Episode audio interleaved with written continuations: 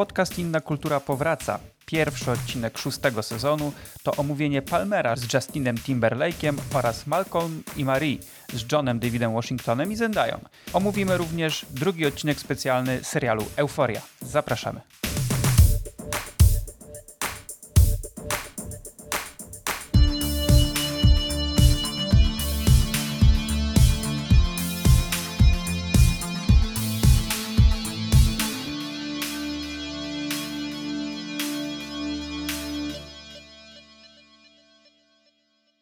Witaj, droga słuchaczko, witaj, drogi słuchaczu. Jeśli nas słyszysz, to właśnie leci 121 odcinek podcastu Inna Kultura. Jest ze mną Michał i Julia. Witajcie. Cześć, witaj. Cześć, witaj Janie. Oficjalnie rozpoczynamy sezon szósty. Jak się z tym czujecie? Czekałam aż Michał zrobi uchu i powie I, lecimy. I chciałem szczerze mówiąc, ale nie wiem dlaczego się powstrzymałem. Dobrze was słyszeć. Sezon szósty. Yeah. Dobrze was słyszeć, bo mieliśmy teraz krótką przerwę. E, Michał nagrał odcinek solo. Pierwszy w swojej historii podcastowej. Tak było. I Była no i tak powiem wam, powiem wam szczerze, że z wami się trochę stęskniłem. Mm, my też się stęskniliśmy. Prawda, Michał? Tak, trochę tak. Trochę. Ale tylko trochę. Tylko trochę. Nie, bo mamy, mamy tego, tą swoją grupę i tam się zawsze trochę przepychamy na jakieś różne tematy, ale jednak poprzepychać się tak głosowo to jest o wiele lepiej. Tak. No. A, dzisiaj, a dzisiaj będzie o czym się przepychać. Tak. Tak, najwyraźniej tak. Nasze, nasze kuluarowe rozmowy wskazały, że będzie, będzie ciekawie, będzie dynamicznie. O. E, ale zanim przejdziemy do, do tej właściwej części, no to nagrywamy to e, w dniu, w którym właściwie większość polskich mediów, powiem to takie, to jest takie już trochę oklepane słowo, niezależnych, e, w sensie niezależnych. E, niepaństwowych. Niepaństwowych, nie, niepublicznych mediów. Tego dnia e, urządziło, nie wiem, strajk, protest, jak chcecie to nazwać, tak to nazwijcie, kiedy nie leciały żadne serwisy informacyjne, w radiu też nie leciały audycje, tylko w radiu na przykład cały czas leciał jeden komunikat, e, dlaczego tego dnia jest tak, jak jest. E, w, na stronach internetowych, na serwisach jest cały. Co, co, cała, list otwarty. Co, cały list, cały list otwarty, przepraszam. No i w telewizji też jest plansza, że tu miał być twój ulubiony serwis informacyjny, ale go nie ma te, dlatego i dlatego. Jest to związane, związane z tym, że rząd planuje wprowadzić podatek nowy dla mediów, E, I może to doprowadzić do tego, że no, spora część, zwłaszcza tych mniejszych, nie wiem, mm, stacji radiowych, stacji telewizyjnych czy, czy gazet, może po prostu finansowo e, nie dać rady i upaść. E, co za tym idzie, będzie coraz mniej tych niezależnych mediów, to może doprowadzić do, do takiej sytuacji, że po prostu większość przekazu będzie szła z mediów państwowych i to nawet już nawet nie chodzi o to, czy mamy teraz rząd taki, czy, czy inny. No nie, nie może być po prostu takiej sytuacji, że mm, monopolistą mediowym jest państwo. No to, to, jest, to jest rzecz, która jest y, nie do pomyślenia w państwie demokratycznym i tutaj, tak jak mówię, odcinam się nawet od tego, kto teraz rządzi, tylko po prostu nie może być takiej sytuacji. W związku z czym y, ja zdecydowanie popieram taki protest, y, czy taki strajk. Ogólnie to nie zgadzam się z tym, że ma być wprowadzone takie działanie bądź każde inne, które może doprowadzić do takiej sytuacji, że mm, media zaczną upadać i zaczną być w jakiś sposób przejmowane przez y, aparat y, władzy. E, zaraz, zaraz oddam oczywiście głos Michałowi i Julii, ale tutaj tak jeszcze na szybko chcielibyśmy właśnie wam powiedzieć, że powstało bardzo dużo filmów o, o dziennikarstwie, o, o, tym, że dziennikarstwo jest ważne, że media są bardzo istotne i, i chcielibyśmy parę takich filmów po prostu wam wspomnieć. Nie będziemy o nich szerzej mówić, to po prostu może przypomną wam się jakieś tytuły, które kiedyś chcieliście zobaczyć albo widzieliście i chcielibyście je sobie powtórzyć, ale po prostu z czasem o nich zapomnieliście. Tak, no ja, ja się mogę podpisać w zasadzie pod wszystkim, co ty, co ty powiedziałeś. Jakby też jestem e, za tym, żeby jednak no, y, tego podatku nie było. E, tak naprawdę dlatego, że no, to jest sytuacja e, problematyczna, bo i tak czy siak już i tak wszyscy ogromne podatki płacimy.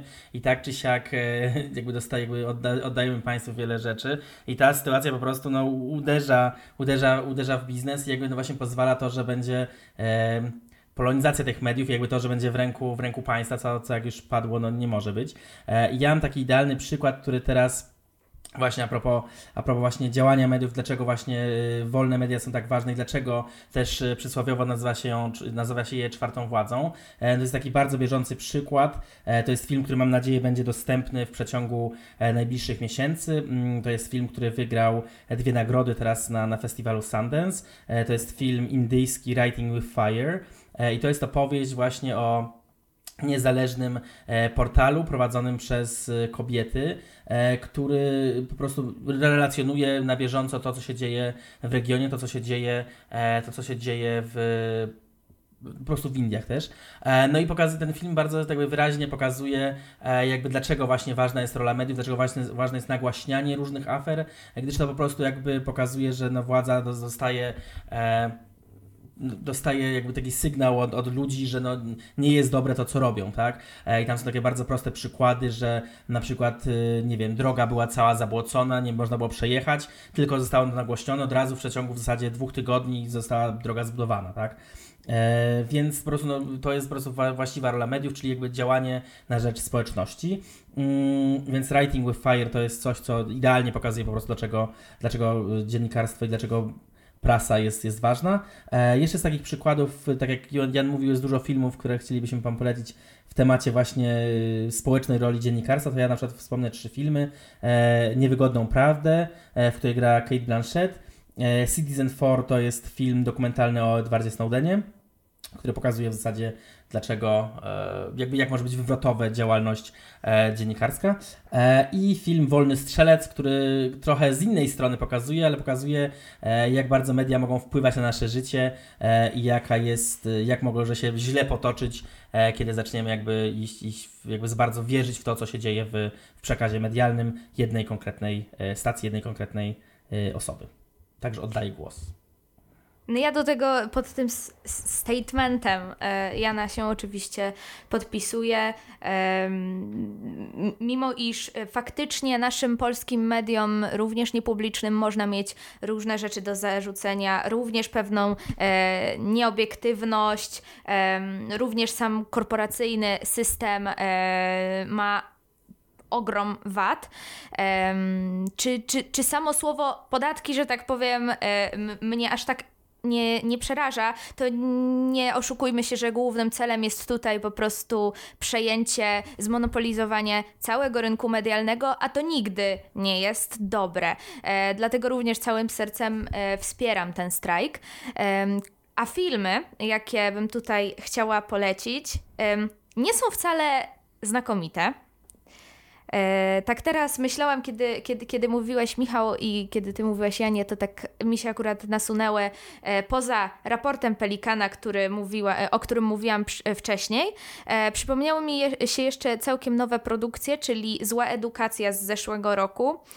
Film o dziennikarstwie na dobrą sprawę szkolnym, które potrafiło wywołać rewolucję. Mm, to z Hugh Jackmanem ten film, tak? Tak, tak, tak, tak, tak. tak. E, I trze trzeci film, którego ja tak, tak swoją drogą nie, nie za bardzo go lubię, ale e, myślę, że bardzo dobrze oddaje e, jakiś taki ton sytuacji, którą aktualnie mamy w Polsce i jest to czwarta władza Spielberga. Myślę, że tak, to jest film, który najlepiej oddaje nastroje, które aktualnie tu się dzieją, obok jeszcze e, filmów, które e, Jan zaraz tutaj, o, o których Jan zaraz powie. E, tak, ja bym chciał wymienić też trzy filmy, które, które bardzo lubię z tego gatunku filmów o, o dziennikarzach, o dziennikarstwie. To na pewno będą Wszyscy ludzie prezydenta z 76 roku o mm, dwóch reporterach granych przez e, Dustina Hoffmana i Roberta Redforda, którzy działają w ramach opisania afery Watergate i prezydenta Richarda Nixona. Drugi film też związany poniekąd z postacią Nixona, bo to jest film Frost Nixon z 2008 roku w reżyserii Rona Howarda. Mm, to jest bardziej taka, taki film już y, trochę o telewizji, nawet y, nie tylko o dziennikarstwie, o, o przeprowadzeniu wywiadów, o, o tym, że ktoś chce ujawnić jakąś tam historię już byłego prezydenta, który po prostu odszedł w niesławie, ale jednak e, takie pokazanie, że dobra, odszedł, ale mimo tego nadal trzeba o pewnych rzeczach trochę porozmawiać. I tu tak delikatnie chciałbym nawiązać, że jeszcze o dziennikarstwie można zaliczyć, do, do filmów o dziennikarstwie można zaliczyć film Zodiak yy, Davida Finchera, o którym mówiliśmy tam w jednym z naszych poprzednich odcinków. Yy, no ale jednym z takich naprawdę mm, bardzo dobrych przykładów z ostatnich yy, kilku lat, no to na pewno jest Spotlight Toma McCarthy'ego, który opowiada historię całego, całego takiego teamu dziennikarskiego z Boston Globe, który E, ujawnił e, cały ten skandal pedofilski e, w bostońskim, no i nie tylko w bostońskim, bo później już w ogólnie amerykańskim, nawet światowym kościele katolickim. Więc to są takie filmy, które ja bym w tym, w tym temacie polecił, które pokazują, że no po prostu media są potrzebne. Tak? I to jest jakiś taki główny, główny przekaz tego, że media, nowoczesne media, czy te takie już trochę archaiczne media po prostu ta czwarta władza jest nam niezbędna e, w, w demokracji przede wszystkim. I tym optymistycznym akcentem chyba możemy przejść do, e, tak. do, do, filmów, o których chcielibyśmy dzisiaj porozmawiać. Właściwie nie tylko filmów, bo jeszcze będzie jeden odcinek serialu. E, na początek ja i Michał opowiemy o filmie Palmer z Justinem Timberlake'em. E, później Michał i Julia opowiedzą o drugim specjalnym odcinku Euforii. Mówiliśmy już o pierwszym e, i tutaj jest trochę moja wina, że ja nie będę brać udziału w tej dyskusji, ponieważ miałem go obejrzeć, ale tak mi to wyleciało, że ostatecznie go nie obejrzałem, ale jak go nadrobię, to na pewno będę chciał jeszcze tam w jednym z przyszłych odcinków do niego nawiązać. E, no i na końcu opowiemy sobie o filmie Malcolm Marie, który będzie chyba taki najbardziej ognisty w tej naszej całej dyskusji dzisiejszej. Tak. To co, Michał? Kto zaczyna? Y, ja myślę, że o filmie Palmer możesz ty zacząć, a ja potem Dobrze. dołączę. Dobrze, film y, Palmer to jest najnowsza produkcja pod skrzydłami Apple TV Plus. Oni na razie mają głównie seriale, ale już te filmy też powoli zaczynają się jakieś różne e, pojawiać i jak tak patrzyłem niedawno na jakieś ich plany wydawnicze na następne miesiące, e, no to mają trochę w planie, więc mam, mam wrażenie, że ta, że ta platforma e, powoli, bo powoli, ale całkiem nieźle nabiera rozpędu i ich produkcje są na po, powiedziałbym, że na stałym poziomie, ale to jest taki dosyć dobry poziom, yy, czego na przykład nie można powiedzieć w ostatnim czasie za bardzo o Netflixie, którego produkcje są po prostu jedną, jedną sinusoidą wielką. Yy, ale przechodząc do tematu, yy, film Fishera Stevensa, w którym gra Justin Timberlake między innymi, gra on główną rolę, ale pojawia się tutaj też na przykład... Juno e, Temple, którą ostatnio chwaliliśmy tak, w którą, którą chwaliliśmy za, za Teda Lasso, chociaż ta jej rola tutaj nie jest jakaś e, bardzo, bardzo duża, e, przynajmniej przez pierwszą połowę filmu.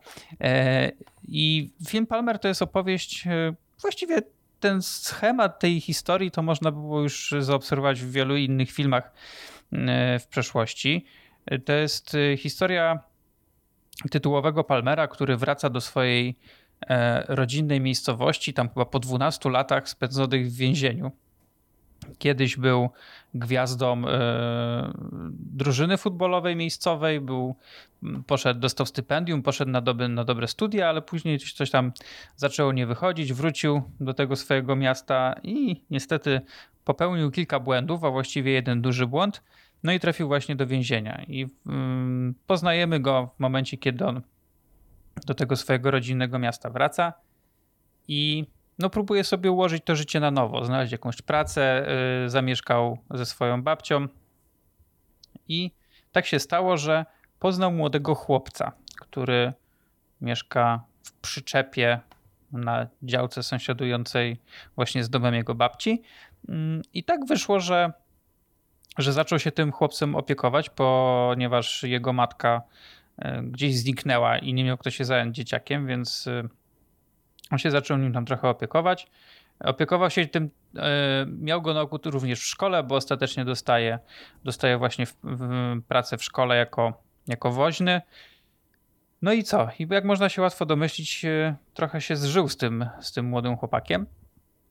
E, ale jednak te duchy przeszłości powracają i ciągle coś tam mu podkłada e, kłody pod nogi i nie do końca się jego pewne plany układają tak, jakby on chciał, ale mimo wszystko mm, to jest taki film, który się mnie oglądało bardzo, naprawdę bardzo przyjemnie i po raz kolejny utwierdziłem się w tym, że Justin Timberlake to jest taki człowiek trochę orkiestra, bo karierę muzyczną zrobił naprawdę fenomenalną, mimo że jak NSYNC się rozpadało, to wszystkim, wszystkim kariery były zwiastowane, tylko nie jemu, a o tamtych to nawet nikt nie pamięta dzisiaj.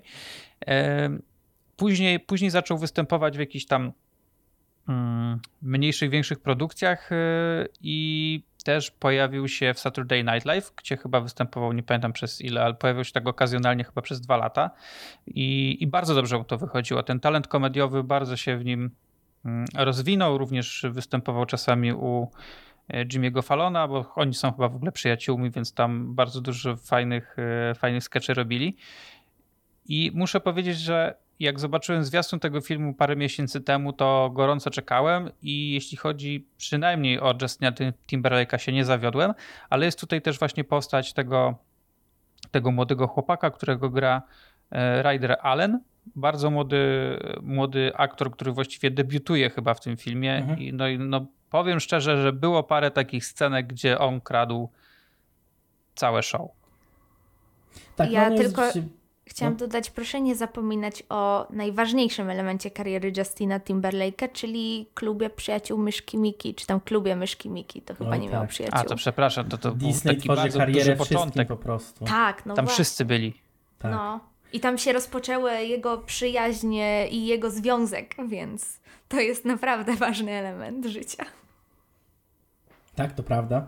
Zwłaszcza teraz, że w ten weekend wyszedł też e, film o Britney Spears, e, w którym podoba się jakby ludzie zaczęli teraz na nowo patrzeć na, na to, na czym zbudował karierę Timberlake i jakieś w nowym świetle padają te rzeczy, e, więc to też jest jakby ciekawy, ciekawy trochę kontekst. Dla, A jak się ten film nazywa? Właśnie Framing Britney Spears chyba, mi się wydaje. Chyba Framing, no. I on jakoś teraz wyszedł na no, parę dni temu, w ostatni, w ostatni weekend. Tak mi się przewinął przez, przez internet na, na różnych łączach. Także, także tak. Wracając jakby do w zasadzie własnego, głównego tematu, czyli do Palmera, yy, no, no, ja się zgodzę, że Ryder Allen rzeczywiście jest bardzo ciekawie gra. Yy, Juno Temple też gra całkiem, całkiem nieźle, mimo że momentami trochę wpada w schemat, ale to nadal się wszystko w ramach gatunku w ramach gatunku sprawdza. E, zresztą Palmer to jest taki film trochę, trochę od linijki, mm, trochę taki, te, tego typu historie widzieliśmy już, już wielokrotnie, e, ale z drugiej strony no, czasami trzeba takie kino właśnie, które, które jest po prostu dobrze zrobione, takim dobrym dramatem, e, takim filmem, który jakby po prostu się ogląda z rodziną w niedzielę, jest, jest zabawnie, jest przyjemnie, jest trochę wzruszająco. No to jest taki po prostu idealny miks, miks elementów no to jest taki film, który po prostu no dobrze się ogląda, jak powiedział Jan, ale w zasadzie też dość szybko się, dość szybko się potem o nim zapomina, bo, bo jakby nie ma te czegoś takiego, co by, mm, co by wy, wystawało ponad, ponad taką e, dobrze sprawdzoną, dobrze sprawdzoną normę. E, natomiast ponieważ ten, ten film dotyka też tematu, mm, jak się opiekować chłopcem, który nie do końca jest akceptowany przez swoją grupę, jest trochę specyficzny, e, to mi się skojarzył dużo, dużo lepszy, dużo ciekawszy, dużo taki e, bardziej wyrazisty film e, Przedszkolanka. W zasadzie są dwa te dwie wersje tego filmu. Ja widziałem wersję z Maggie Gyllenhaal, czy mhm, w zasadzie Jelen Hulehe, o którym ulubione wymawianie nazwiska e, rodzeństwa. E, I to jest tak, to jest jakby to, to tamten film dużo większe na mnie wrażenie zrobił. W, po, w podobny sposób opowiada e, właśnie o tym, jak się opiekować właśnie z osobami, które potrzebują specjalnej opieki, więc myślę, że e, właśnie przy omawianiu Palmera warto właśnie tą, tą przedszkolankę przypomnieć. No i ja też od jakiegoś czasu poluję na, na oryginał e, izraelski e, przedszkolanki, bo to, to był pierwotny pomysł i jestem ciekawy, jak to w tym, w tym oryginale wyszło. E, także tak. Natomiast Palmer, e, tak jak już padło, no to jest, można spokojnie zobaczyć, jest to po prostu przyjemna, przyjemna rozrywka. E, no ale jakby no, nie zostanie z nami na dłużej, no ale czasami jednak trzeba taki film, który po prostu jakby no feel good movie zobaczyć, który czasami trochę nas wzruszy, poruszy i będzie ok. Także tak. Ja No. tyle. Podpisuję się pod tym. Mnie się bardzo podobał, ale też nie, nie twierdzę, że jest nie wiadomo jak rewelacyjny. No, jest po prostu bardzo, bardzo przyjemny i jeżeli ktoś szuka właśnie takiego niezobowiązującego filmu, ale który dostarczy jakichś em- emocji, to no, jeśli macie Apple TV+, to, to śmiało możecie oglądać. No, na Justina zawsze można patrzeć, więc Tak. I tym samym przechodzimy do specjalnego odcinka Euforii i tu oddaję głos Julii. A ja chciałam właśnie powiedzieć, żebyś ty o nim opowiedział. Aha, dobrze, mogę ja opowiedzieć, nie ma problemu. E, dobrze, specjalny odcinek Euforii. Zaraz zobaczę, jak on, jaki on miał, miał podtytuł, bo miał jakiś specyficzny bardzo e, podtytuł. E, natomiast na pewno e, specjalny odcinek Euforii tym razem opowiada o, o bohaterce Jules, o bohaterce e, Hunter Schaffer. Mm, I i jakby jest spojrzeniem e, na to, co wydarzyło się po finale pierwszego sezonu, tym razem z perspektywy tej bohaterki. Mm, Jest to spotkanie, jest to spotkanie u terapeuty, e, jest to spotkanie w zasadzie pierwsze u terapeuty mm, i rozmowa, rozmowa bohaterki o tym, co się wydarzyło, jakie emocje jej towarzyszą, e, co się dzieje w jej życiu, co się dzieje w jej głowie. I tak, to ja może w zasadzie tak od strony fabularnej tak naprawdę to jest to. Jest to. to może od razu też powiem, jakby, jakie były moje wrażenia po tym, po tym odcinku. E, dlatego, że o ile pierwszy odcinek, o którym rozmawialiśmy w którymś odcinku poprzednim, e, zrobił na mnie ogromne wrażenie, mimo że był trochę takim mm, przedłużeniem tego, co pokazywał pierwszy sezon, e, to jakoś tak byłem dużo bardziej zżyty z, z bohaterką. Bardzo mi się podobało to, że się akcja działa w jednym miejscu, była w zasadzie taka jednostajna jakby wszystko było takie płynne. Tutaj w tym odcinku, co jest bardzo ciekawe, ale co trochę miałem w, z powodu formalnego jakiś problem, jest bardzo duży chaos. E, Gdyż jakby jest to takie wejście w, w głowę bohaterki, e, która po prostu jakby skacze od tematu do tematu, e, co z drugiej strony jest jakby ciekawą, nową perspektywą, bo tego w serialu trochę brakowało, z zobaczenia jak jej umysł działa, jak, jak wszystko jest chaotyczne. Mm, Ale to jest, więc y, to było tak, że tutaj miałem, byłem zdziwiony przede wszystkim tym, że jest y, wiele elementów, sprawiało wrażenie, jakby to już taki normalny odcinek serialu. W sensie było, na momentami było tyle dynamicznych elementów, które e, jakby już przypominały ten taki styl właściwego serialu. Byłem trochę nieprzygotowany na to, może właśnie po tym pierwszym odcinku, który był jakąś zupełną odmianą, e, jakby zupełnie innym spojrzeniem, takim trochę wyciszeniem i, i skupieniem się w jednym miejscu. Tutaj dostajemy po prostu taki zbitek emocji, e, w którym nie zawsze się łatwo połapać. Ale z drugiej strony to jest jakby też ciekawe, bo jest jakby dość, dość głębokie to wejście w tą, w tą psychikę bohaterki, więc to była, to była ciekawa, e, ciekawa perspektywa. E, I oddam głos Julii i potem jeszcze ewentualnie coś, coś dodam. E, powiem tak, ja co warto podkreślić jeszcze raz, e, ja nie przepadam za euforią. I ten odcinek, a jeszcze bardziej Malcolm i Marie, mm, pokazały mi, że ja nie cierpię reżyserii sama Lewinsona. Moim zdaniem to jest naj, po prostu najbardziej nieszczery reżyser, jaki prawdopodobnie aktualnie pracuje tam. Największy pozer. I to w odcinku specjalnym z Jules niestety widać bardziej. I E, Julia weszła na te obroty, na które czekaliśmy. Tak, właśnie ja dlatego nie chciałam od nich zaczynać. A, okej. Bo to jest y, już w tym odcinku, ja już widziałam, że tutaj, e, mimo iż jest dalej e, tutaj pan Sam Levinson skupiony na bohaterce, e, którą ja w ogóle ja w ogóle jestem wielką fanką Jules, w sensie to jest moja ulubiona bohaterka, uważam, że jest najciekawszą postacią z całej euforii, najbardziej niejednoznaczną, najbardziej skomplikowaną i on jest dalej na niej skupiony. Hunter Schaffer jest niesamowita w tej roli, po prostu szapoba totalne. Ale Boże Święty, jak zaczęło się od tego całego e, liability e, lord na początku, to jak zobaczyłam to ujęcie po prostu całej piosenki na oczy, to ja mówię, o, Sam Levinson jest Już widzę, że to ty reżyserowałeś. Już, już widzę, że to ty.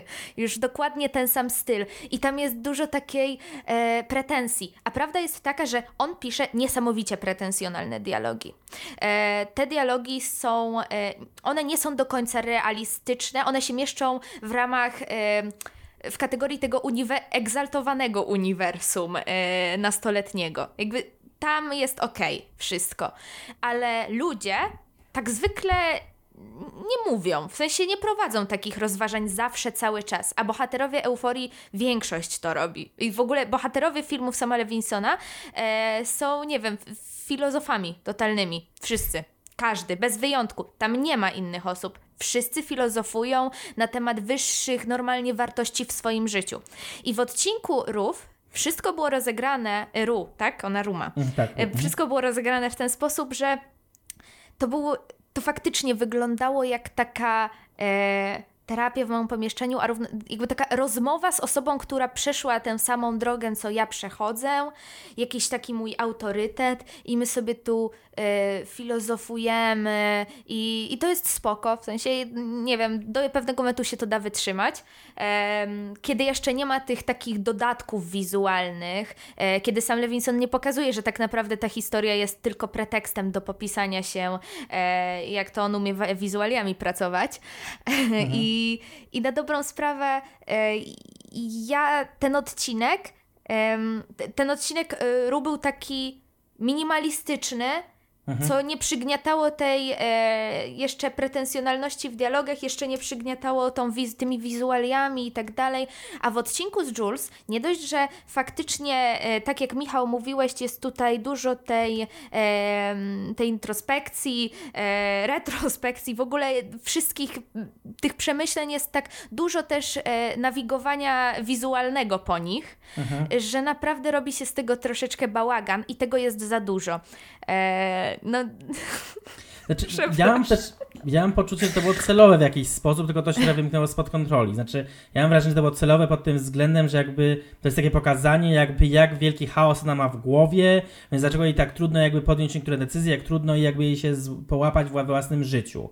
Nie, tylko z, z drugiej strony to trochę było, znaczy to na przykład to, co mnie y, zdziwiło i które mnie jakoś tak wytrąciło też z takiego skupienia na tym odcinku, to na przykład była taka rzecz, która była zaskakująca dla mnie, bo na przykład to, że y, tak dużo scen było z pierwszego sezonu, jakby nie były mi potrzebne. Jakby Mhm, na przykład tak. to, co właśnie działało w poprzednim odcinku, to było to, że było takie, że no my znamy już tą historię, Mhm. byliśmy, już widzieliśmy to, co było, więc jakby jest fajne, że możemy się skupić teraz, się przyjrzeć tej bohaterce, nawet jak ona po prostu patrzy w przestrzeń. tak, Natomiast było... tutaj, mhm, mhm. tutaj mnie właśnie trochę denerwowało to, że jakby pokazywali nam sceny, które już widzieliśmy. Ja tak, no dobra, ale to już widziałem, jakby to nie jest mi niezbędne, Tak. no bo jakby już przeżyłem tą historię raz, nie trzeba mi tego przypominać tak na, nachalnie. Tamten E, odcinek był też to mnie taki, troszkę drażniło. Mhm, taką opowieścią wyrwaną. E, tak, miał, jakbyś miał ten timeline i okej, był ujęty ten pierwszy sezon Euforii i nagle nie wiemy w którym momencie, nie wiemy ile czasu minęło, bam, wpadamy po pierwszym sezonie gdzieś i po prostu Mhm. zaczyna się rozmowa, która płynie naturalnie. Tutaj za dużo rzeczy on chciał mieć, e, oni chcieli mieć zdecydowanie osadzone, e, tak jakby w kategoriach e, już konkretnych czasu, miejsca, już widać trochę Mhm. taką podbudówkę pod drugi sezon.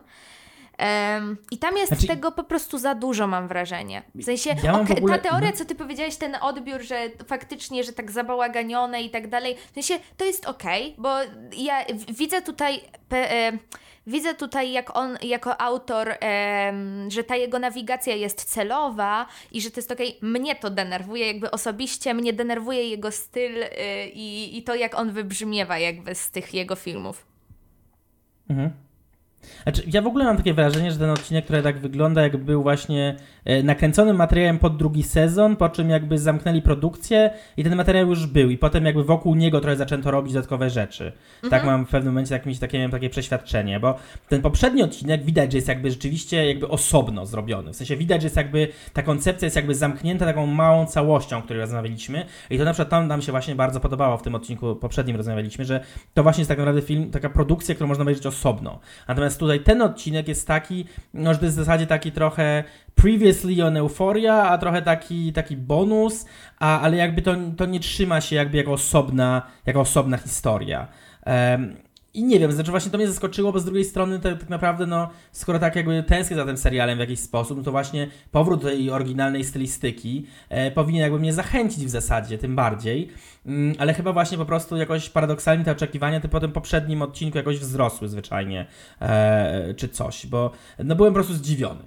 E, niemniej nadal jakby czekam na kolejny sezon, jestem ciekawy jak z tego wybrną. No i na pewno też podobało mi się to, że no właśnie wreszcie mamy tą perspektywę Jules jakby z tej, tej perspektywy aż tak mocno nie widzieliśmy wcześniej, dotychczas. I to jest jednak, jej uwagi są ciekawe, no i też warto zwrócić uwagę, że to jest, to, to jest bardzo, bardzo ciekawe, no to jest to, że Hunter Schaffer jakby współtworzyła też ten scenariusz. I słusznie. E, I pisała to, co, to, co się wydało, więc to też jest bardzo, bardzo dobre, e, że jakby mamy rzeczywiście taki wgląd jakby w jej, e, w jej podejście, w jakby w jej sposób myślenia, więc może to w jakiś sposób trochę uwiarygadnia, ale mam wrażenie, że ten odcinek byłby lepszy, gdyby był, tak jak ten poprzedni, gdyby był właśnie pozbawiony wszystkich tych, tych blichtrowych elementów, tylko był rzeczywiście skupiony tylko na niej i na tej rozmowie yy, z terapeutką i się rozgrywał, rozgrywał w tym jednym pokoju. Jakby, gdybyśmy utrzymali te dwa odcinki w tym stylu i rzeczywiście wtedy byłby jako taki special, jako coś osobnego, bo tak, tam takie rzeczywiście, no, tak już padło parę razy, to wrażenie, że jest takie po prostu podbudówka pod drugi sezon, tak? Mm, no i tak. Ja tutaj widzę, że się odpaliłam bardzo już na same Lewinsona, ale przepraszam, ja bardzo myślę o Malcolm i Marie i ja bardzo doceniam Może... w ogóle, że właśnie przy tym odcinku Euforii on wziął Hunter Schaffer do pisania tego odcinka, bo e, w Malcolm i Marie widzimy coś niesamowitego, do czego zaraz przejdziemy. Ja naprawdę po raz pierwszy spotkałam się z takim, z tym zjawiskiem na taką skalę w, w tym już wieku, że jakby spodziewałam się, że to, to tego już nie będzie, ale jest. E, więc możemy przejść teraz płynnie do tak. Malcolm i Marie. Bardzo e, Więc tak. E, Malcolm i Marie to jest pierwszy film e, całkowicie wyprodukowany, napisany i nagrany w trakcie pandemii, e, wiadomo czego. I I, Słowo i... na K po prostu, widzę takie Słowo na K, tak. To już tak nie można wypowiadać nawet, tak. wszyscy żygają. I film opowiada historię e, Malcolma i Marii, jak mogliście, jak możecie już zgadnąć. e, czyli pary e, pary afroamerykańskich, e, pary afroamerykańskiego, afroamerykańskiego reżysera i jego dziewczyny. E, którzy wracają do domu po premierze jego filmu, e, który jakby otrzymał super tutaj, jest, super został odebrany i w ogóle wszystko świetnie. Jeden problem się pojawił. E, Malcolm zapomniał podziękować w przemowie tam Marii.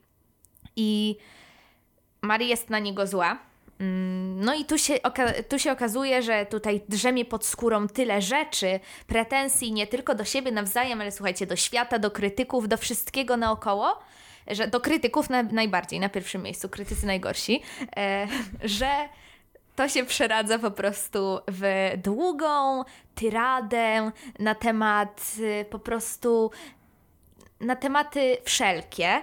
E, oczywiście sam Levinson tutaj e, nie ukrywa swoich swoich inspiracji. Tutaj już w tytule e, mamy do Truffaut, Antoine Nicolette, zresztą takie, taki nowofalowy vibe czuć tutaj przez cały czas. Jest John Coltrane, e, Spike Lee, gdzieś tam cały czas są po prostu dialogi. Nie wiem, czy widzieliście, ale był taki, e, ktoś na, napisał jakiś gość na Twitterze takiego, e, takiego tweeta, że wkleił zdjęcie Barry'ego Jenkinsa i napisał, że to to, to sam Levinson e, widzi w lustrze, kiedy, e, kiedy w nie patrzy. Bo właściwie dużo ludzi się skapnęło bardzo późno, że sam Levinson jest biały. Przy, przy tym filmie. Co zważywszy na, na dialogi w tym filmie, jest e, niezwykle przecież, dziwne. Przecież wyobrażasz sobie czarnego, który nazywa się Sam Levinson? To jest takie typowo białe nazwisko. No, może przez to, że jest, że ten jego ojciec już jest, co się tak wydaje, że jest typowo białe. E, jakbym usłyszała nazwisko Barry Jenkins, to też bym myślała, że, je, że, że, że wiesz. Może tak, tak, tak mi się wydaje. To, to już tak chyba e, za bardzo, to, to już e, minęły chyba te, te, te czasy, że, że te nazwiska można jakkolwiek skojarzyć, e, że po nazwisku można jakkolwiek skojarzyć, ale powiem szczerze, mm, no mnie, mnie, mnie ten film, co można już zauważyć w tym odcinku, e, bardzo mocno zdenerwował. Ja, ja chciałem nawiązać y, do jednej rzeczy, którą powiedziałaś. Tak. Ja po tym, po obejrzeniu tego filmu wszedłem, e, zrobiłem jedną rzecz, której w sumie już od długiego czasu nie robię, czyli wszedłem sobie na film, żeby zobaczyć Tak, oceny. oceny. I powiedziałeś, że tutaj się po prostu, że tu się wylewa na krytyków. I tak wszedłem na ocenę i zacząłem, hmm, komu się ten film nie podoba? I tak patrzę po, po jakichś tam znajomych, czy wszyscy super, super, super. Wchodzę w sekcję krytycy i wuu, od góry do dołu praktycznie wszyscy. O, tam między 4 a 4,5 czy coś takiego. Jedni dwa, jedni trzy. Po prostu krytycy polecieli. I to jest taki chyba przykład jednego z tych filmów, że jak się gdzieś pojedzie na krytyków, to od razu krytykom się nie podoba. Bo mi się na przykład ten film podobał. A co? No to mów dlaczego. Rozwiń, no właśnie. Dlaczego? Dlaczego mi się podobał? Przede wszystkim y, tutaj Julia powie, no tak, typowy Jan musi to powiedzieć. Ten film mi się podoba realizacyjnie. No, tak Są bardzo ładne zdjęcia. Są bardzo ładne To zdjęcia. mi, się, to mi się też podoba, powiem ci. Nie, ale na przykład y, jeśli chodzi o Ujęcie taką na mac and cheese jest cudowne, to otwierające. Mm. Piękne. Wspaniałe żarcie, po prostu rak murowany. No i nowa fala. E, I ja generalnie e, podobał mi się jeden zabieg, jeśli chodzi taki realizatorski, że mm, ścieżka dźwiękowa tu jest ba- bardzo, bardzo ciekawa, bo muzyka, która, któr- którą aktualnie słyszymy w, jakiejś tam scenie, odzwierciedla to, co się w tej scenie też dzieje. W sensie No mówię tekst, tekst, pios, tekst piosenki, tak? E, I to bardzo fajny zabieg, który na który od razu jakoś tak zwróciłem uwagę. Coś chcesz, Michał, powiedzieć? Tak, bo, bo to jest też jakby ciekawe, to jest trochę się oddaje do tego, co Julia powiedziała o tym, że oni są takimi filozofami, bo to jest jakby w pełni celowe, bo to oni włączają tą muzykę, żeby skomentować tą sytuację, więc jest jakby No tak, tak, ciekawy element, w którym oni mają własną introspekcję na tyle roz, rozwiniętą, że od razu to robią na żywca. E, rozumiem trochę, dlaczego to się Julii nie podoba. Mi się to w miarę podoba, bo to jest pokazuje jakby, że, że ludzie są jakby na tyle świadomi tego, co robią, e, że jakby są w stanie trochę wyjść ze swoich stanów emocjonalnych i od razu je komentować. Tylko też jest pytanie, czy prawdziwi ludzie tak robią, ale to jakby to mnie też kupuje. To mi Znaczy, się no, ten ja- element ja- podoba. ja- Dobra, to Ty tak dojdę. nigdy nie zrobiłeś? Ja generalnie często miałem tak, że byłem w jakimś w danym stanie emocjonalnym i puszczałem muzykę, która nawet, czy, czy piosenkę, która słowami oddawała ten dosłowny Tak. stan.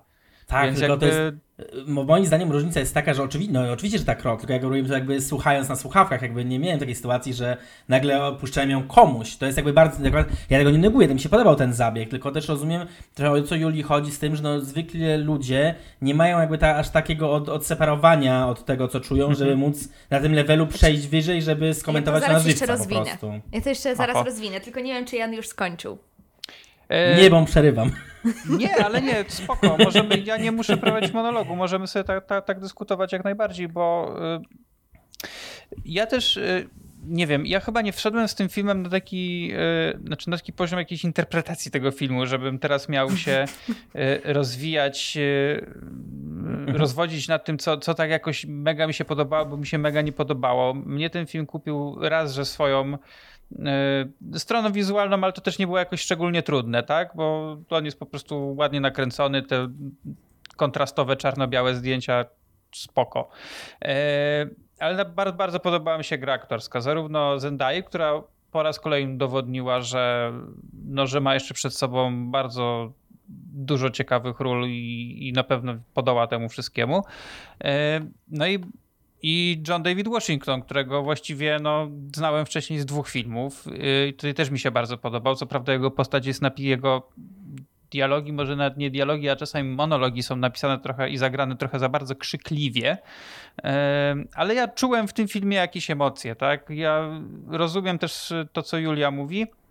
Zresztą to na pewno ma od, odbicie też to właśnie, że nie jest, że jest totalną antyfanką sama Lewinsona, Yy, ale mnie, ja ten film oglądałem tak, że jak go włączyłem, to ja w niego wsiąkłem. Ja go, ja go sobie przeleciałem przez tą, ile on tam trwa, godzinę 40 Mhm. i, i stwierdziłem, kurczę, to już koniec, ja bym jeszcze ch- chciał sobie to, to obejrzeć. Mhm. Chciałbym dalszy ciąg. To po prostu jakby taki trochę mój typ, mój typ kina, akurat jeszcze dobrze trafiłem dniem w ten film.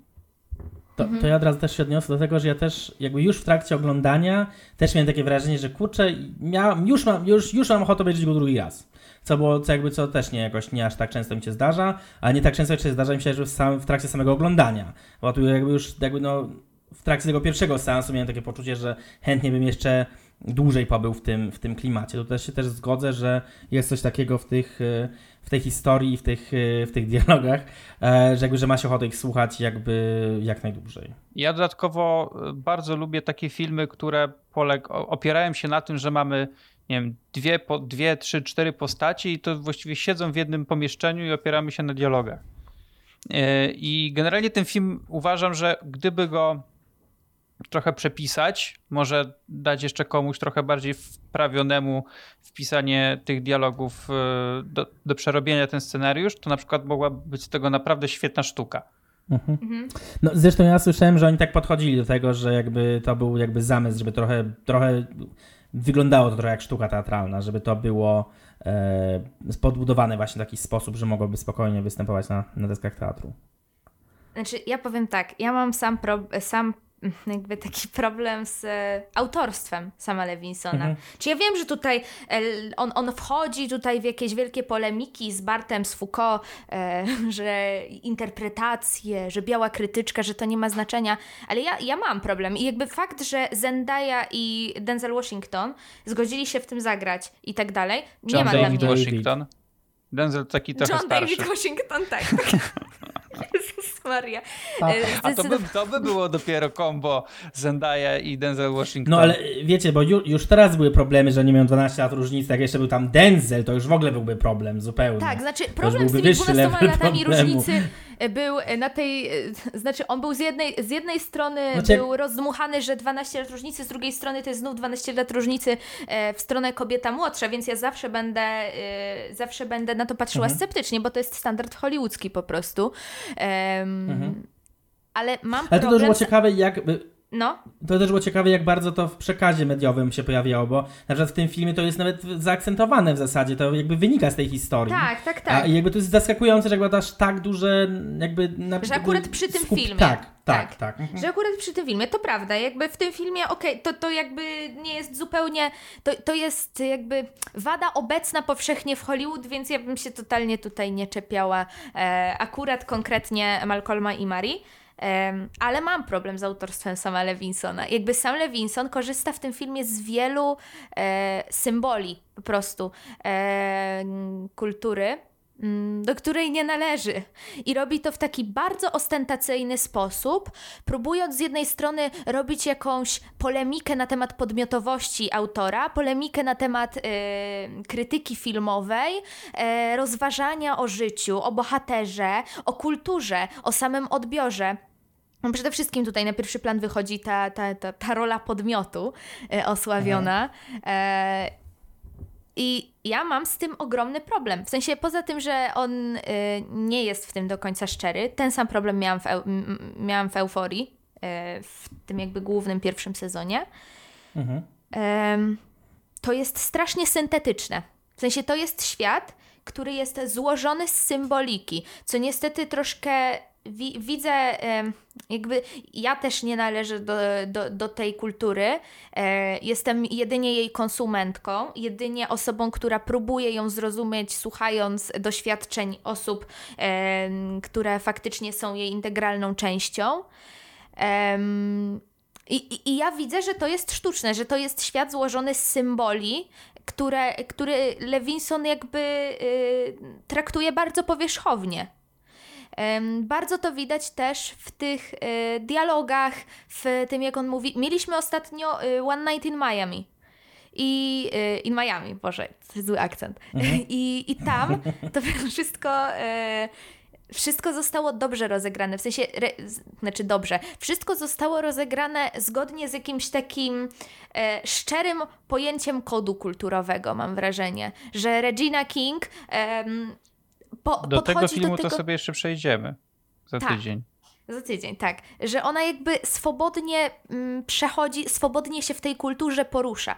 Kiedy sam Levinson robi swój film, mam wrażenie, że on ustawia ten domek z kart, ustawia tą Zendaję i Johna Davida Washingtona, którzy nawet do końca się, mimo iż oni są w tych rolach fantastyczni, to oni się nawet nie poruszają, ani mimiki nie mają naturalnej do końca, moim zdaniem. Szczególnie Zendaya I, mhm. I, tak jakby oni są ustawieni w tym. Ja kocham teatralne filmy, kocham. Y, ja serdecznie polecam wszystkim Malm Krok z zeszłego roku. Cztery godziny gadania w, po prostu w czterech językach od Christiego Puju. Cudowny film. E, ale i, i, ja jestem pewna, że takim filmem chciało, chciało być Malcolm i Marie. Tylko niestety nie jest, bo on chce osiągnąć tyle rzeczy naraz, że tam nie ma miejsca na oddech, nie ma miejsca na szczerość. No i jest podstawowy problem, że Sam Levinson robi film e, o czymś, czego nie widzę, żeby rozumiał. O, no, nie widzę tego. Tu się jakoś e, w, jednej rzeczy z tobą e, na pewno Julia zgodzę, bo też miałem w paru momentach takie wrażenie, że e, autor, który jednocześnie jest, jest reżyserem, kiedy podchodził do pisania, wziął sobie taką książkę z półki, tysiąc jeden tematów, które można skomentować w filmie, nie? I otworzył sobie tak tą stronę, tak losowo mhm. parę stron sobie otworzył, wybrał kilka haseł i o, tu są jeszcze jacyś reżyserzy, o których można powiedzieć, mhm. albo ktoś tam o kimś, nie? Albo jakaś teoria, coś i tak sobie wybrał i napisał wokół tego jakieś dialogi. I pomimo tego, że ogólnie ten film mi się podobał, y, to widzę też jego takie właśnie, y, głównie te scenariuszowe mankamenty, tak, że tak czasami masz, masz wrażenie, że no to tak jak kurczę, nie wiem, jak ksiądz rozmawia o aborcji, nie? No tak na, na tej zasadzie. Mhm. Y, że facet, że, że człowiek, który nie jest w temacie, zaczyna, zaczyna coś komentować, no. To ja się od razu też odniosę dokładnie do, do, tego elementu, czyli tego scenariuszowego, że równocześnie mam wrażenie, że przy tym wszystkim, co już padło, ja się z tym rzeczywiście zgadzam, e, to Levinson jeszcze zrobił taki wytrych w tym samym scenariuszu. E, dlatego, że zrobił taki wytrych, w którym od razu komentuje nasz odbiór jako widzów i na przykład jest scena, w której, e, w której jest taka, taka tyrada e, Malcolma, taka mm. długa po prostu już na wszystko, on się po prostu wydziera, e, biegnie i koniec końców mm, Marie komentuje, no tak, wiesz, no właśnie tak naprawdę kłóciłeś się sam ze sobą. I to jest taka mhm. polemika dla polemiki. Tak. I jakby ta scena też pokazuje coś takiego, że jakby to jest w zasadzie to, co w tym filmie zrobił sam Levinson. W sensie to jest taki film, który on zrobił trochę trochę sam dla siebie, trochę jakby taka dyskusja samemu ze sobą e, i to jest rzeczywiście zaskakujące. To jest też ciekawy kontekst e, w tym, co padło właśnie a propos, a propos tego odcinka specjalnego Euforii i tego, co zwróciliśmy uwagę, że tutaj jakby się e, połączył z Hunter Schaffer i ją poprosił o jakąś taką konsultację scenariuszową, czy w zasadzie pisał scenariusz razem z nią. Tutaj tak naprawdę ten film powstał dlatego, że to Zendaya do niego napisała hej, słuchaj, zróbmy coś w trakcie pandemii. Więc ciekawym jest to, że on się zdecydował ten film napisać sam. Jakby zamiast właśnie konsultować tak naprawdę z nią, bo mam wrażenie, że jakby jej perspektywa dodałaby bardzo wiele elementów tej, tej historii, bo się jeszcze ją urealniła.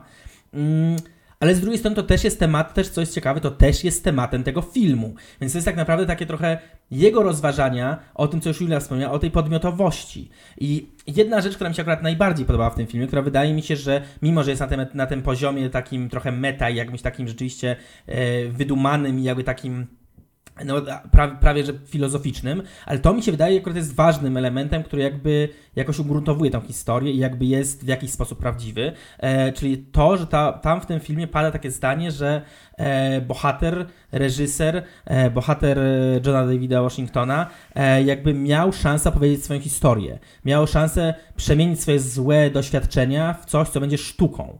E, I na przykład moim, i to w tym filmie to nie do końca wyszło przez to, co mówi Julia, ale na przykład mhm. to dla mnie jest czymś, e, co jest warte uwagi i jest bardzo ważną, ważnym kontekstem. I na przykład dlaczego e, tak dobry jest serial I May Destroy You. E, który, który jest serialem HBO, który na przykład teraz nie dostał Złotego Globa, jest wielki nie dostał nominacji do Złotego Globa, jest wielki, e, no tak, nie dostał nominacji, jest wielka właśnie afera wokół tego i to wynika z tego, e, że Michaela Coel jakby przeżyła przerażające rzeczy, ale potem była w stanie jakby przerobić je na własną modłę i stworzyć serial, który nie tylko się boryka z tymi problemami, ale jeszcze ustawia je w szerszym kontekście. Więc ten film, film Malcolm i Marie jakby podejmuje ten temat, ale jakby zaznacza, że on istnieje. On jakby nie nie wprowadza go w życie, ale jakby samym faktem, mówiąc, wypowiadając to zdanie, że przerabiamy własne traumy, przerabiamy własną przeszłość na sztukę, tak, to właśnie tym powinna się zajmować, e, tym powinny, to, te najlepsze filmy tak powinny robić e, i to jest właśnie przepiękne w, w kulturze. Ale ten film konkretnie tego nie zrobił, choć mógł. Jakby miał szansę to zrobić, ale jakby tego nie do końca zrobił, a e, te dialogi, które potem padają, jest tak trochę usprawiedliwieniem scenarzysty i, i, reżysera, który mówi, no jakby, dlaczego z czego to wynika do końca. Jakby w sensie, mhm. on się trochę sam usprawiedliwia tymi dialogami, E, I to jest dziwne, jest dziwna mieszanka. Jakby ja, e, jedną ostatnią rzecz powiem. Ja na przykład mam tak, że na przykład e, aktorsko ten film się według mnie broni, ale to też jest dziwne, bo w wielu sekwencjach się broni jest super, a w niektórych czuję, że to jest rzeczywiście, tak jakby powiedzieć, jest sztuczne. Ja czuję nagle, że oni aktorsko jakby nie, nie do końca czują to, co mówią, nie do końca jakby rozumieją ten zabieg w jakiś sposób. Jakby w sensie e, są momenty, które są w, prawdzi, w pełni szczere i jakby w nie wierzę, a są takie, które właśnie są taką teatralną przesadą, takim yy, przerysowaniem aż, które ja po prostu na to widzę i jakby widzę, że no tak, no Zendaya tu gra tę postać, a nie jakby nią jest. I to było zaskakujące trochę, bo właśnie było tak, że po prostu zależało to od sceny do sceny. Więc to mnie zaskoczyło, że właśnie tak jak już też padło, jak Jan powiedział, że po prostu scenariusz powinien być dużo lepiej e, dopracowany, co zresztą No i jak, jak aktorsko na przykład trochę bardziej wierzyłem w Washingtona mhm. niż Zendaya. E, nie, nie, wiem, nie wiem, czy to jest związane pewnie po prostu napisaniem i właśnie tym, co mówi, mówi Michał, że e, oni wielu rzeczy mogli tutaj po prostu tu nie czuć i jakoś tak, nie wiem, dla mnie Washington wypadł lepiej, ale też nie mówię, że zdecydowanie lepiej, bo były też sceny, które Zendaya kradła, to ja myślę, że e, to jest takie po prostu moje odczucie, ale tak ogólnie chyba jest w miarę wyrównany jest ten, e, ten film aktorsko. Generalnie jest taki film, który ma w sobie rzeczy, które są naprawdę dobre, może nawet docierające się trochę oświetnie, oświetne, a są takie, że o matko, no po co, mhm. dlaczego? Więc to jest taki dość, dość nierówny film. Ja go nie chcę, ja go na pewno nie skreślam, bo w, ogólnym, w ogólnej ocenie on mi się naprawdę podobał, ale wiem, że gdyby pewnie gdyby to, y, gdyby nie było tej pandemii, ale mimo wszystko powstałaby inicjatywa, żeby zrobić ten film, to może byłoby też trochę więcej osób w to zaangażowanych, inne trochę podejście i ostatecznie to by wypadło lepiej. Tak mi się przynajmniej wydaje. To ja mhm. powiem tak, znaczy moim zdaniem, bo tu, tu, się odniosę do czegoś, to się trochę zdezaktualizowało, znaczy już przez dużo tematów Michał przeszedłeś, ale na początku mówiłeś, że on się właśnie do tego odnosi i się tak jakby tłumaczy mhm. i broni. No tak, właściwie ten film jest y, długim wywodem sama Lewinsona i jakby ustanowieniem jego poglądu na tą, y, na tą podmiotowość autora. E, mhm. Y, I on wyraża swoje zdanie, pokazując jakby, że krytycy się nie znają, kiedy zarówno wśród krytyków, jak i twórców są konkretne opinie na temat tego, kto powinien mówić o czymś, kto powinien robić coś, mhm. grać coś. Mieliśmy ostatnio przy okazji serialu, który będziemy omawiać w przyszłym tygodniu, czyli It's a kiedy Russell T. Davis mówił, że według niego, e, jego, jako homoseksualnego mężczyzny, to homoseksualiści powinni grać homoseksualistów i, i tak dalej. Że jakby dla niego to jest ważne, że queerowe osoby dostają wreszcie miejsce. I mhm. to jest trochę tak, że sam Levinson stawia się naprzeciw tej tezie, już bardzo wyraźnie przez cały, cały czas, pokazując, że jedyne osoby, które są naprzeciw tej tezy, bo jakby on głównie to wy, wyraża w tym filmie, nie, do, nie pokazuje do końca, że po drugiej stronie, w sensie po, po jego stronie też są ludzie, którzy uważają, że to, co robi, jest nie okej. Okay. E, tylko pokazuje, że tamci krytycy szukają jakiejś inspiracji, interpretacji, e, jakiegoś wydźwięku politycznego i tak dalej. A tak mhm. tak nie jest. Y, I to jest moim zdaniem niezwykle pretensjonalne. Co do, chciałabym ostatecznie dodać, jakby to jest kolejna rzecz, kolejny raz, kiedy on coś takiego robi, bo euforia jest w takim, mm, jeśli chodzi o wydarzenia, no to jest takie exploitation, trauma exploitation trochę y, wszelkich po prostu y, podniesionych do potęgi entej. Tu o euforii nie myślę, że nie będę się tutaj rozwodzić z tego względu, że to jest szeroki temat, bo tam jeszcze wchodzą rzeczy konwencyjne, gatunkowe i, i, i tak dalej, ale e, ja z, ja, ja z jego twórczości wyczuwam e, niezw, niezwykłą pretensję i, i takie pozerstwo. E, I wiem, że tutaj ktoś może napisać, że ja bardzo, bardzo się tak w przeciwieństwie do innych niespokojnie wyrażam o, ale kino to emocje, więc jakby przyzwalam sobie, że jeśli coś mnie zbulwersowało, tak jak akurat ten film i tak jak dość duża część twórczości sama Lewinsona, to, to, to jednak wolę to wyrazić w taki sposób, niż dusić w zarodku. Tym bardziej, że mówię, tutaj było bardzo dużo emocji. Ja bardzo nie lubię tego filmu. Tym bardziej, że ja też na niego czekałam, bo on ma, widzę w nim bardzo dużo inspiracji i wiadomości, które faktycznie miały szansę być rozwinięte, miały szansę gdzieś tam e, fajnie wybrzmieć. Też ta teatralność, ta, e, ten ma, niewielki charakter tej produkcji, to, to było spoko, ale e, reszta, cały wydźwięk, e, fakt, że to jest tak przebudowane, to by mogła być spoko krótkometrażówka. W sensie jakby Sam Levinson robił 20 minut na temat tego, czy kim jest twórca, jaka jest jego rola, autor itp., to spoko, fajnie, wszystko fajnie. Ja 20 minut nie zabiera tyle mojego czasu. Fajna ciekawostka, ładnie wygląda wizualnie, ujęcie z mac by się zmieściło, mm, Zendaya, Washington, świetnie. To, co jest, za dużo, zamęczące. Nie podoba mi się. Koniec. Mhm. To ciekawe, ciekawe jest, ciekawe, w ciekawej kontrze stoimy, bo właśnie w zasadzie ja z Jadem stwierdziliśmy, że mogłoby trwać. Niech to trwa po prostu. Więc y, no ciekawe jest to jakby ten, ten y, rozbieżność tutaj. No, Zdarza no to się. dobrze, no kino, kino jakby budzi różne emocje i też Tak, tak, rozmawiając o kinie poznajemy tak naprawdę nie tylko, nie tylko twórczość, ale też samego siebie, więc to jest bardzo fajne, więc jak najbardziej Że tak. już mocno wchodzimy. Tak, a jak? To żeby, żeby się za bardzo nie rozpędzić, proponuję skończyć. Tak. E, no, więc zgodni. y, myślę, że myślę, że każdy, każdy z tych y, pozycji, które oglądaliśmy, to każdy może znaleźć coś dla siebie. Mm, Ja na pewno nadrobię ten drugi odcinek specjalny Euforii, więc jeśli będziecie chcieli, to tam w jednym z późniejszych odcinków się do tego odniosę. E, No dobrze. Za, za tydzień omówimy, tak jak już było wspomniane, serial i film w reżyserii Reginy King e, One Night in Miami, który jest do Złotego Globa nominowany, tak? Mhm. E, Więc tu też będzie o czym po, porozmawiać, bo już jesteśmy po seansach, więc jest, jest ciekawie. No, więc oficjalnie rozpoczęliśmy szósty sezon. Dzięki wielkie za słuchanie i do usłyszenia za tydzień. Dzięki bardzo, pozdrawiamy. Tak, Do usłyszenia. do usłyszenia.